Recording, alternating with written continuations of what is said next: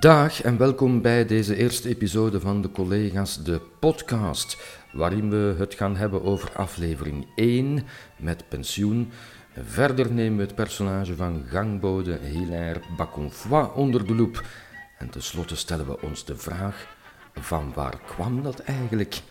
Al die collega's gekte.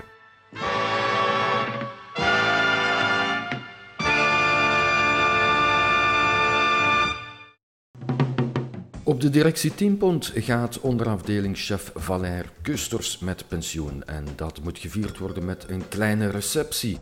Kusters komt even terug naar kantoor om samen het glas te heffen. Zijn opvolger, dienstchef Philemon Persee, tot grote ergernis van de ander een zelfverklaard notwaar speecher, doet tijdens zijn melige toespraak zijn bijnaam van pater Philemon alle eer aan. Een toespraak ter gelegenheid van de oppensioens... Eh, ja, eh, geachte feesteling, waarde vriend, beste collega's. Uh, als ik soms mijn gedachten laat gaan over de zin van het leven, zijn evolutie, beginnende bij het levenslicht tot het aande, nietwaar, wanneer het weer aandooft. Hij gaat het toch niet te lang trekken, zeker, hè? Ah, op dat gebied ken ik hem nog niet goed, meneer. Het leven bepaald door studie, werk en rust. Via de klippen als daar zaan. Het huwelijk, nietwaar, vrienden? Hè? Hij gaat het lang trekken. Het staat een beetje haaks op het feit dat de keurig getrouwde per se het wel heel erg goed schijnt te kunnen vinden met de secretaresse Mireille Puis. Tussen Mireille Puis en de koffiename Madame Arabelle heerst een langdurige vete. Het is vooral Arabelle die zich door de secretaresse gekleineerd voelt. Arabelle verweert zich door op de man te spelen en maakt zich er maar al te graag vrolijk over dat de secretaresse op haar 35ste nog altijd alleen door het leven gaat. Ik heb gezegd, en dat is de waarheid. Ze zeggen dat ze slechtssecretaresse is en dat is niet waar. Dat ze geen man kan krijgen, daar weten wij ook fijn en niet van. En dat ze zo'n slecht karakter heeft, dat geloof ik niet. Zo kan het ook geweest zijn, natuurlijk. Ja. Voilà. Klerk Jean de Pesser en opsteller Bonaventure Verrastenhoven hebben deelgenomen aan de examens om de opengekomen plaats van Kusters in te kunnen nemen. Alle geruchten ten spijt draait het resultaat voor de Pesser helemaal anders uit dan verwacht. Het is Verrastenhoven die met de betrekking gaat lopen. Eh, kort en goed, mannen. Voortaan zal niet Jean de Pesser, maar wel onze vriend Verrastenhoven plaatsnemen aan dit bureau als onderafdelingschef. Officiële benoeming. Ah, nee, nee. Ja, Directeur-generaal. Dat kan niet. Vergissing van syndicaat. Daar moet ik het fijn van Dat is een weten. politieke benoeming. Ja, er zijn er geen andere, de Pesser. Dat neem ik niet. Je zult nog van mij horen, hè. Mijn examen was beter dan dat van de Raftenhoven. Oneerlijk, een oneerlijke politieke benoeming. Goed is genoeg, de Pesser. De sfeer wordt er ook niet bepaald beter op wanneer bekend wordt dat de gevreesde klerk Gilbert van Hy, gekend omwille van zijn slecht karakter, wordt benoemd tot nieuwe klerk met onmiddellijke indiensttreding. Fanny. Gilbert Fanny. Fanny, benoemd met onmiddellijke indiensttreding. Ook zie dat je dat aan het vieren bent. Vereerd, vereerd, maar dat had je niet moeten doen. Waar is hier mijn plaat? Maar waarom zou je nu moeten kijken? De pilootaflevering van een televisiereeks moet vaak dienen om verhaallijntjes uit te gooien en de karakters nader te omschrijven, en dat is met de collega's niet anders. De verhaallijn van Met pensioen is eerder dunnetjes, maar de manier waarop elk personage haast meteen in detail wordt geschetst, is subliem. Hier wordt onder meer duidelijk wat precies de reden is van de ruzie tussen Jean de Pesser en Bonaventure Verastenhoven, en ontpopt Philemon Persee zich tot een hilarisch redenaar. Deze episode is essentieel.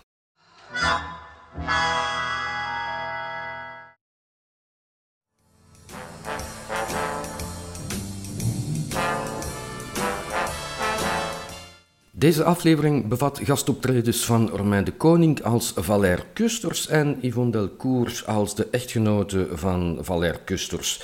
Romain de Koning en Yvonne Delcourt, ook in het echte leven een paar, zouden niet veel later furoren maken met hun populaire sitcom De Kolderbrigade, door de Vlaamse televisie uitgezonden in 1980. De Koning was trouwens een van de grondleggers van wat later het Vlaamse Volkstheater ging heten en werkte vaak samen met Gaston en Leo.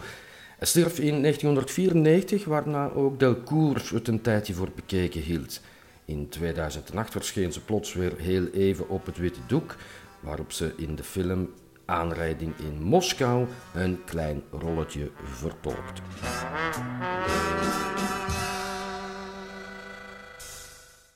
De televisiereeks van de collega's is er niet zonder slag of stoot gekomen, ondanks het feit dat het idee begin jaren 70 al een eerste keer werd besproken, kwam de serie pas in 1978 voor de eerste keer op antenne. In 1971 had Jan Materne bij de toenmalige dienst Ontspanning van de BRT een voorstel ingediend onder de naam De Kantoortuin. Daarvoor werden de personages die later de collega's zouden worden reeds ontwikkeld. De gesprekken die erop volgden leidden uiteindelijk tot niets. Enkele jaren later vernam hij dat het Mechels Miniatuurtheater, het MMT, een soort gelijk idee had en er werd overeengekomen dat hij voor hen een feuilleton zou schrijven onder de werktitel De Bureau, maar ook dat bleef in de schuif liggen. Materne bezocht goed een jaar later in Londen de trilogie The Norman Conquests van Alan Ayckbourn en zag er wel wat in dat het Mechels Miniatuurtheater dit zou gaan opvoeren, maar het Antwerpse Fakkeltheater ging met het idee aan de haal. Uit frustratie besloot hij zelf een stuk te schrijven dat dan uiteindelijk de eerste versie van de collega's werd. Het tweeluik, het kantoor en het feest. Na meer dan 300 voorstellingen kaapte het gezelschap er in het seizoen 75-76 de Thalia-prijs mee weg voor beste Nederlandstalige werk. Het idee om van de collega's alsnog een feuilleton te maken stak opnieuw de kop op en uiteindelijk gaf de BRT groen licht. Nog tijdens de theatervoorstellingen begonnen in Studio 5 aan de Rijerslaan de opnames voor de televisiereeks. De cast werd hiervoor uitgebreid met een aantal acteurs die onder contract waren bij de dienst Drama van de openbare omroep.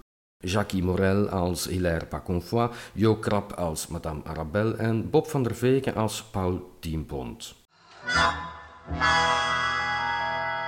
Over het succes van de collega's is al veel inkt gevloeid. De herkenbaarheid van de personages is wellicht de meest voor de hand liggende verklaring.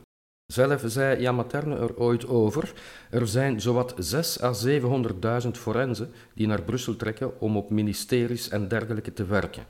Nu is het opmerkelijk dat zij zichzelf nooit identificeerde met de collega's, maar daar was het wel zo. Ook zijn er vele van die kantoorbedienden die me gezegd hebben: men zegt dat u overdrijft, maar in werkelijkheid is het soms nog veel erger. Ik dacht dat ik dus met succes die middenweg heb bewandeld. Vaak deed zich het verschijnsel voor dat men zei: We hebben ook een jomme en we hebben ook een Vrastenhoven, waarvan we niet zeker weten of hij nu homofiel is of niet. En we noemen die nu ook Vrastenhoven of jomme.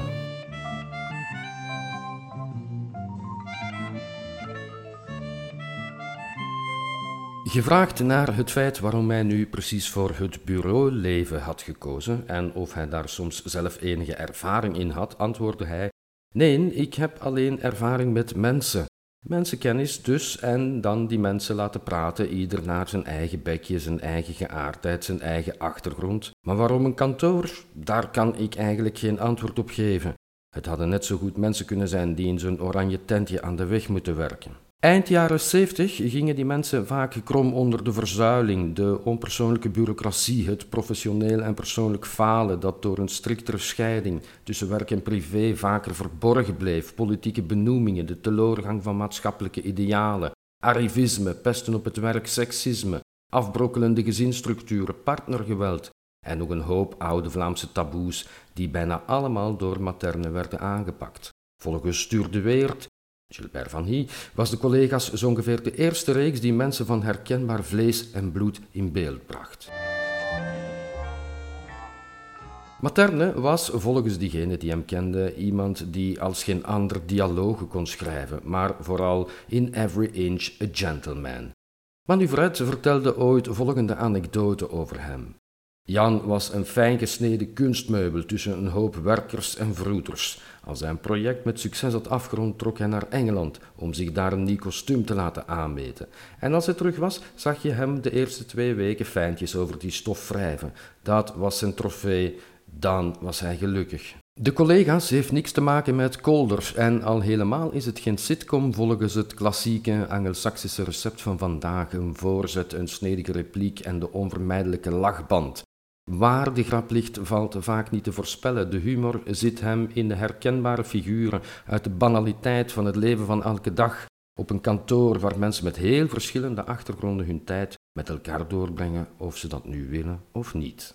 Op het gebied van drama een gegarandeerde topper. Denk maar aan The Office en Het Eiland. René Vret zag het destijds in Humo zo. Toneel mag ook wel een keertje over dat mannetje daar op zijn bureau gaan, dat al duizend jaar bediende is, dat al duizend jaar op promotie wacht, dat al duizend jaar examens legt, dat al duizend jaar zijn autootje en tv in zijn ijskast afbetaalt, dat al duizend jaar vastzit in die logge trendmolen van de bureaucratie en de administratie. Ik heb dat vroeger zelf meegemaakt toen ik zelf nog bediende was op het ministerie.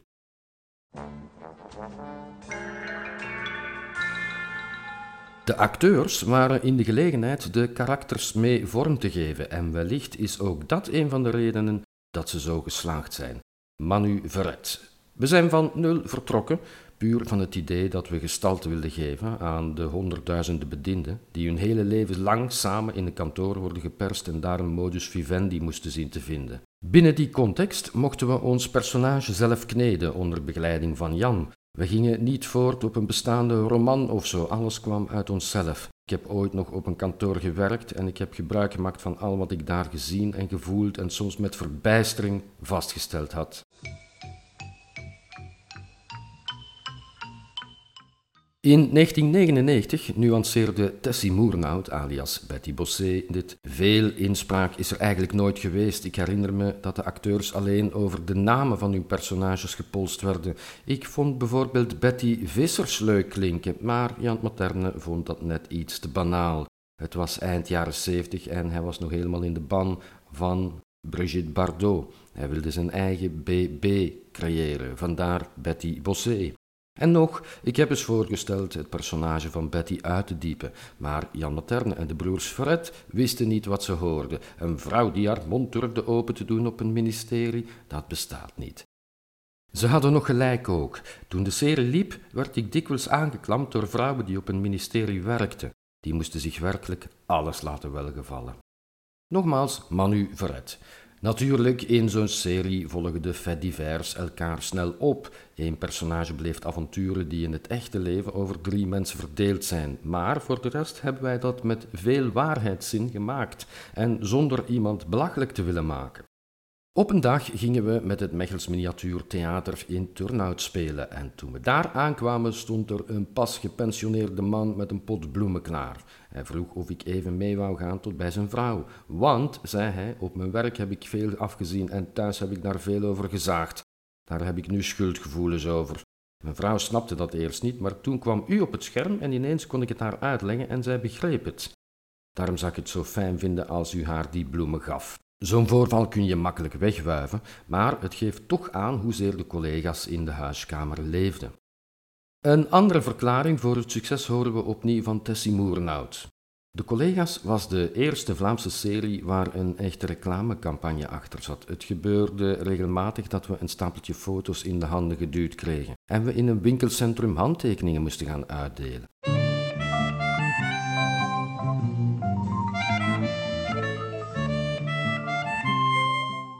Het einde van de collega's zijn verschillende theorieën gangbaar. Er zou het feit zijn dat Jan Materne was leeg geschreven, maar Manu Verret weerlegde dit. De inspiratie was niet op, de BRT was op. De raad van bestuur zei dat we ermee moesten stoppen, dat het niet de taak van de openbare omroep was een serie als de collega's te maken. We vonden het te volks, het slorpte een te groot deel van het dramabudget op.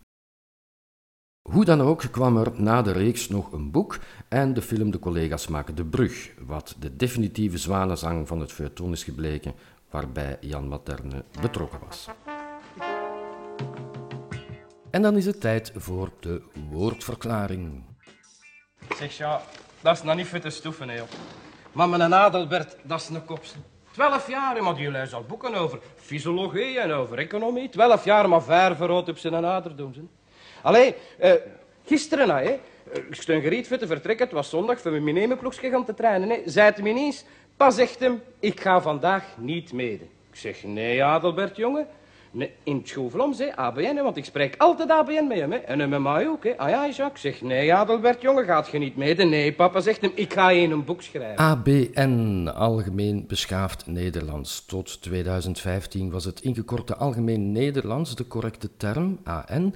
Nu heet het Standaard Nederlands. Standaard Nederlands is de gestandaardiseerde variant van het Nederlands en geldt naast in België en Nederland ook in Suriname, Curaçao, Sint Maarten, Caribisch Nederland en Aruba als standaardtaal. Ons syndicaat heeft mij opdracht gegeven uw benoeming mee te delen. Onderafdelingchef.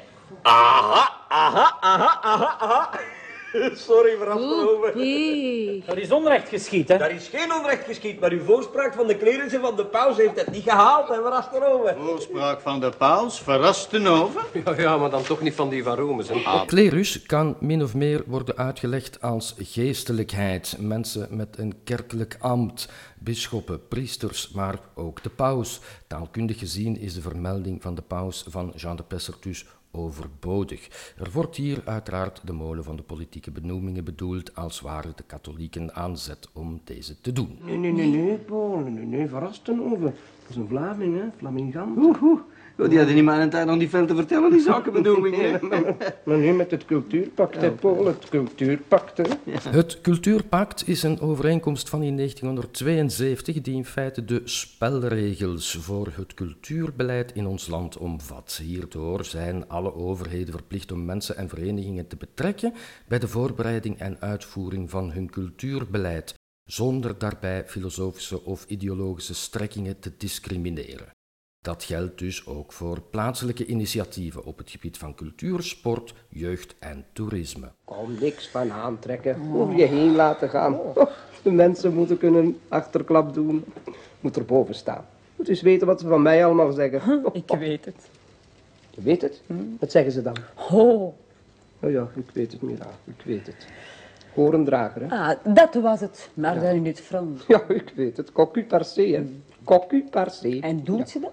Wie? U, madame. Wat? Ah, wel, eh, Nee, nee, nee, nee, nee. Goed, ga. Cocu, synoniem voor bedrogen echtgenoot, ook wel horendrager genoemd. Cocu is een variant op koekoe, de koekoek. Die staat erom bekend zijn eieren in het nest van ander te leggen. Over de oorsprong van het woord horendragers zijn een aantal theorieën gangbaar. Vaststaat dat het al om een heel oude uitdrukking gaat. Ze schijnt te zijn ontstaan in de tijd dat men een kapoen de sporen afsneed en in de kam plantte, waar ze als horentjes doorgroeiden en de kapoen kenmerkte. Een Griekse uitdrukking die in de tweede eeuw na Christus door Artemidorus voor het eerst werd gebruikt, luidt keratatinipochiain. Iemand horens opzetten. Eh, waarde feesteling, het begrip derde leeftijd. Het is een woord, een uitdrukking die me enigermate stoort. Er is geen derde leeftijd, er is geen tweede leeftijd, er is geen vierde leeftijd, er is slechts één leeftijd. Derde leeftijd is een verouderd Belgisch-Nederlands begrip waarmee de groep van senioren, ouderen en 60-plussers wordt bedoeld. Bejaarden zijn alleen zij die ouder zijn dan 80 jaar, maar dit is geen wetgeving. We komen de term nog wel eens tegen in de zogenaamde universiteiten derde leeftijd. Maar voor het overige hebben we het nu vaker over jong gepensioneerden. Ja, wij kennen de slordigheid van Jean de Pesser. Hè. Hoe die man nooit in zijn examen is geslaagd, mag Joost weten. ja, maar Joost weet dat ook, hè. Joost, weet dat. wie is dat, hè? Meen je dat nu, Oh, natuurlijk, niet verrassen over ken ik die niet. Joost Doks, dat is... eh, Joost de- van den Vondel. Ah, Vondel, Vondel, ja. Zeg maar, wat heeft hij dan met te maken? Joost van den Vondel is een Nederlands dichter en toneelschrijver, overleden in Amsterdam in 1679. Lucifer wordt beschouwd als zijn absolute meesterwerk. Als men het antwoord op een vraag niet weet, dan zegt men wel eens Joost mag het weten, in tegenstelling tot wat vaak wordt gedacht, ook de pesser en taalpurist verrasten over begaande vergissing, gaat het hierbij niet om de schrijver Joost van den Vondel, maar wel om de duivel. Zie ook het feit dat Joost duivel betekent. Eigenlijk betekent het zoveel als de duivel mag het weten. Dat is zo gezegd een geheim wat wij in dat kistje steken. Hè. En wel, dat is geen geheim. Want Jomadox is oneerlijk. En ik weiger van wat dan ook in dat kistje te steken als hij ermee rondgaat. Hè. Ga jij daar rond? Hé, hey, ik ga rond, hè. Ik heb dat al tien jaar gedaan, dat is mijn prerogatief. Ga loert, gij. Ik, ik loor nu, maar kan er ook niet aan doen dat ik goede ogen heb, hè. Een prerogatief is een voorrecht, voornamelijk juridische taal, heeft verband met voorrechten die gebonden zijn aan de status van een bepaald persoon. Ze zegt dat het examen van Verrastenhoven beter was. En voilà, ik had ook al zoiets gehoord. Ja, maar dat wil niks zeggen, hè, Filemon. In mijn tijd, toen ik opsteller ben geworden, dat was ik geloof ik de laatste. Maar ik was de eerste van mijn kleur, hè. En het was net de beurt aan de P... Enfin, aan uw kleur. Ja, dat is logisch. Ja, ja, ja, ja. Ja, maar dat was toen nog niet de P... eh. Nee, nee, nee, nee, nee, Paul, nee, nee, nee. nee. De PVV heet nu de Open VLD, de Vlaamse Liberalen en Democraten. De Open VLD ontstond in 2007 uit de kartelvorming van de VLD, Vivant en het Liberaal Appel. In 1961 ging de partij de PVV heten, de Partij voor Vrijheid en Vooruitgang. Daarvoor was het gewoon de Liberale Partij overigens, de oudste politieke partij van België, opgericht in 1846. Verrastenhoven. Verrastenhoven, vu. Zeg, die twee grote lichten daarachter. Vu. Federalist. Die twee grote lichten. Dat is zeker. VU, voluit Volksunie, is de voorloper van de huidige NVA. De Vlaams-Nationalistische Partij bestond van 1954 tot 2001. Typerend en anders dan andere afscheidingsbewegingen ging de partij uit van een zelfstandig Vlaanderen binnen een federale staat. Het parcours dat de VU verder aflegde is eerder grillig te noemen in de vorm van naamsveranderingen. ID21, Spirit en overlopers naar andere partijen, waarvan Open VLD en SPA de belangrijkste zijn. Uit wat nog restte ontstond dan uiteindelijk in 2001 de NVA. Tot slot vandaag in de kijkers gangwachter Hilaire Bakofoy. Dat draagt een kostuum van 12.000 franken, dat spreekt Vlaams. Verdomme, hoe is het mogelijk? Hilaire Baconfoy werd geboren op 1 juni 1932 en woont op de Rue d'Ambiorix, nummer 70 in Schaarbeek. Halverwege de reeks verhuist hij naar Elsne om er een groentewinkel te openen. Hij is een van de zeven dienstbodes van het gebouw. Voluit leidt zijn functie gangwachter eerste klas. Zelf durft hij de telefoon alleen eigen gereid opnemen in het Frans. Huissier, cinquième étage, Hilaire Bacon, Foy, section néerlandaise. Bacon, zoals hij doorgaans wordt genoemd, tracht zich tot tweemaal toe op te werken tot de functie van klerk in het pensioen. Verliest hij die strijd van Gilbert van Hy en in de examens weigert hij op de valreep aan de testen deel te nemen uit solidariteit met de van corruptie beschuldigde Jomme Doks. Maar waar recht is, is recht. En ik heb gezegd, als die beslissing om Jomme Doks uit te sluiten niet herroepen wordt, dan ga ik ook, want Jomme heeft die vragen niet gekregen. Hoe het uurrooster van Bacon er precies uitziet, is niet helemaal helder. Het heeft er alleszins alle schijn van dat hij meer uren moet werken dan de rest van de collega's. S ochtends is hij stevast als eerste aanwezig en ook hij vertrekt pas om vijf uur weer naar huis. In 1961 trouwde hij met de uitsluitend francofone Alice. Het paar woont dus met hun drie tienerdochters, 17, 14 en 11 jaar oud, in Brussel. Eerst is dat in dat huurhuis in Schaarbeek. En daarna verhuist het gezin naar Elsene. Daar kopen ze dan een klein pand waarin ze ook hun groentewinkeltje gaan inrichten. Ceremonie of geen ceremonie, ik trek mijn sloeven aan. Zijn voorkomen blijft doorheen de ganse reeks zowat onveranderd. Het haar in de plooi, de iets wat slordige snor, het donkergrijze uniform en daaronder consequent zijn pantoffels. Bakoufouin heeft een stale gezondheid, hoewel hij eerder aangeeft wel eens last te hebben van migraine chroniek, stelt hij in de stoel dat hij aan zijn 919e werkweek toe is, zonder één dag afwezigheid. Hij ontbreekt dan ook in geen enkele aflevering, alleen in de tijdelijke is hij er niet. Hij neemt dan verlof om bij zijn vrouw te zijn die in het ziekenhuis ter observatie is opgenomen. Hij sloft zich op zijn pantoffels doorheen zijn werkdag, praat op zeurderige toon en zijn cynische lachje is legendarisch. De geïrriteerde Thierry de Vught zet er in de computer een prachtige imitatie van neer. Heren, uw speciale aandacht, s'il vous plaît. Ik heb bijzonder groot nieuws. Ik heb gisteren gelachen. Dat je er zelf niet neurasteniek van wordt, Bacon.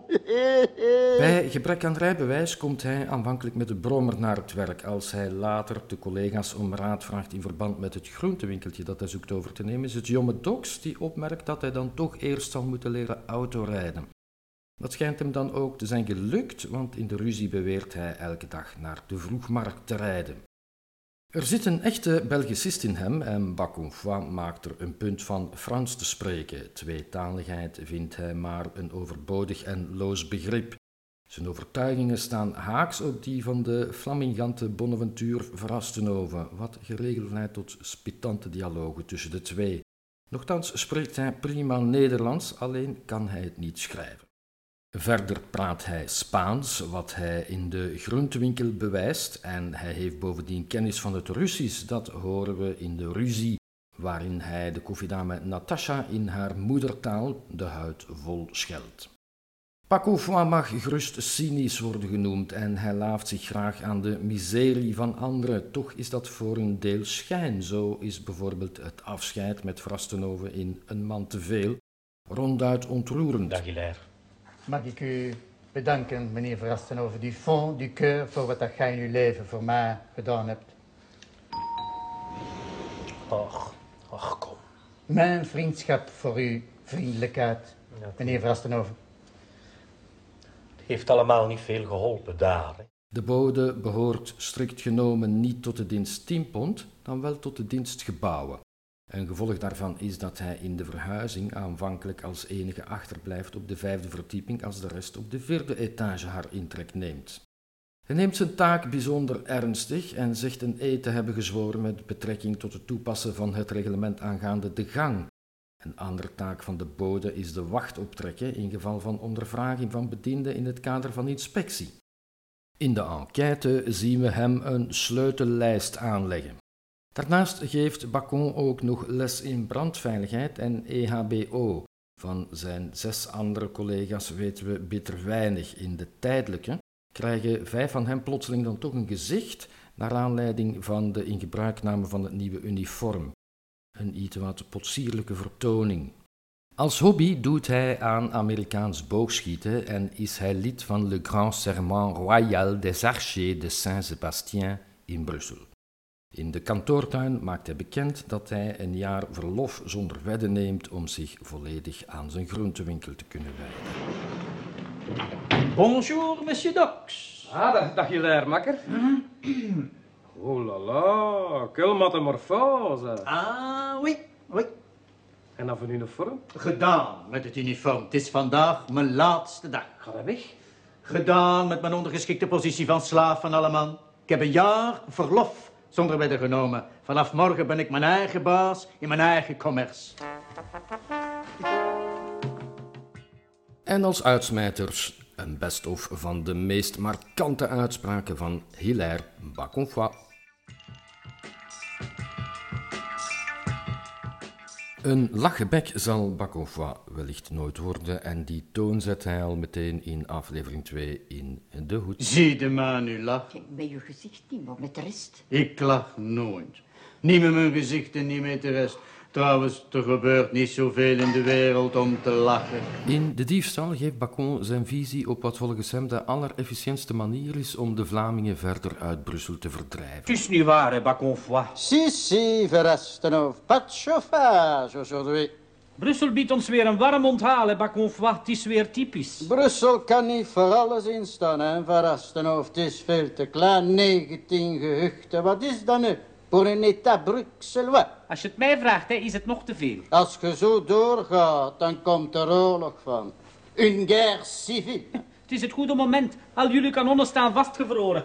Ah, ja.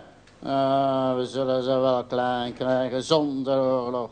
Frans spreken, c'est plus efficient que faire la guerre. Aan het begin van seizoen 3 zijn er grote verbouwingswerken aan de gang. Bacon maakt de collega's één na één wat anders wijs over het waarom. Zeg, wat zijn ze daarachter bezig, Bacon? Daar zijn ze bezig met nieuwe waterafvloeibuizen te steken, want die waren verstopt.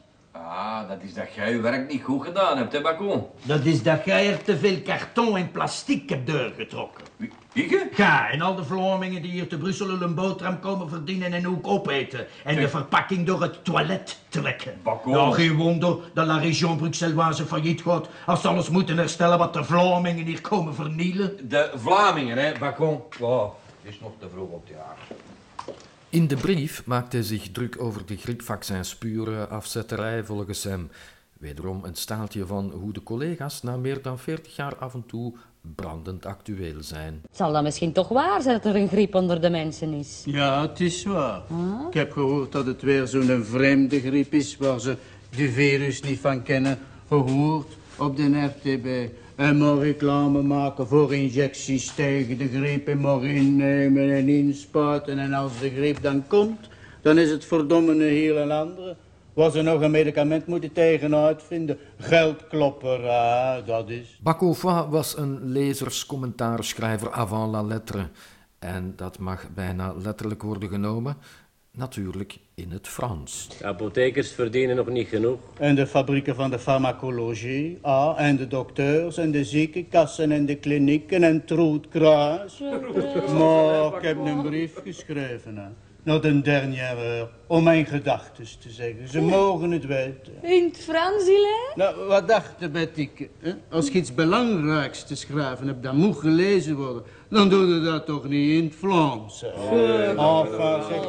vrai. Ondanks het feit dat hij er van alle collega's misschien wel de beste relatie op nahoudt, laat hij zich in de brief wel een heel bijzondere kijk op het huwelijk ontvallen. En ik zeg maar dat, onder of boven, gelierd of ongelierd, rijk of arm, schoon of lelijk.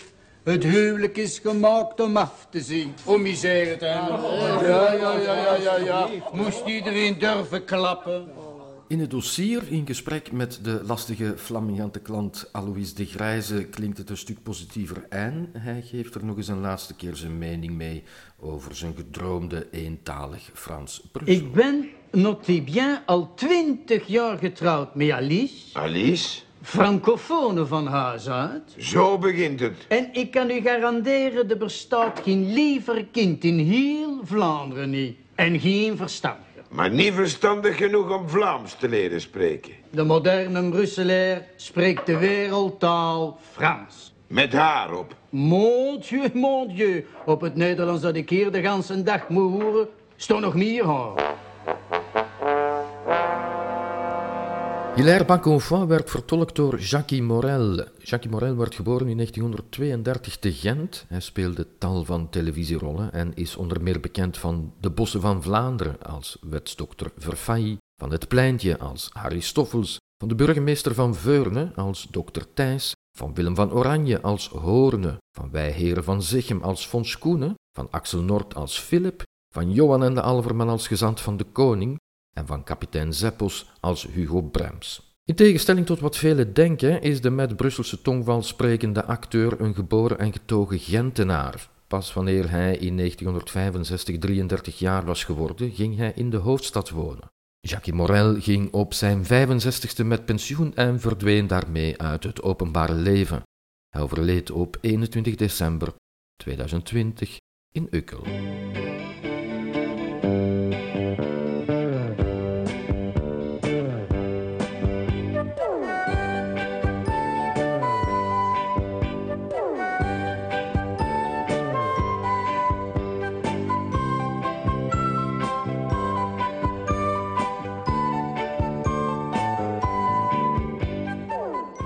En tot zover de collega's de podcast voor deze keer. De collega's wordt geschreven door Jan Materne. De televisiereeks waarop deze podcast is gebaseerd is eigendom van de VRT. Het boek dat ik schreef met als titel De collega's het dossier is nog steeds voor 49 cent te koop via de Apple Bookstore of zelfs helemaal gratis te downloaden op joostelly.be. Daar vindt u ook alle nodige informatie aangaande de leesmodaliteiten en de credits. Tot een volgende keer.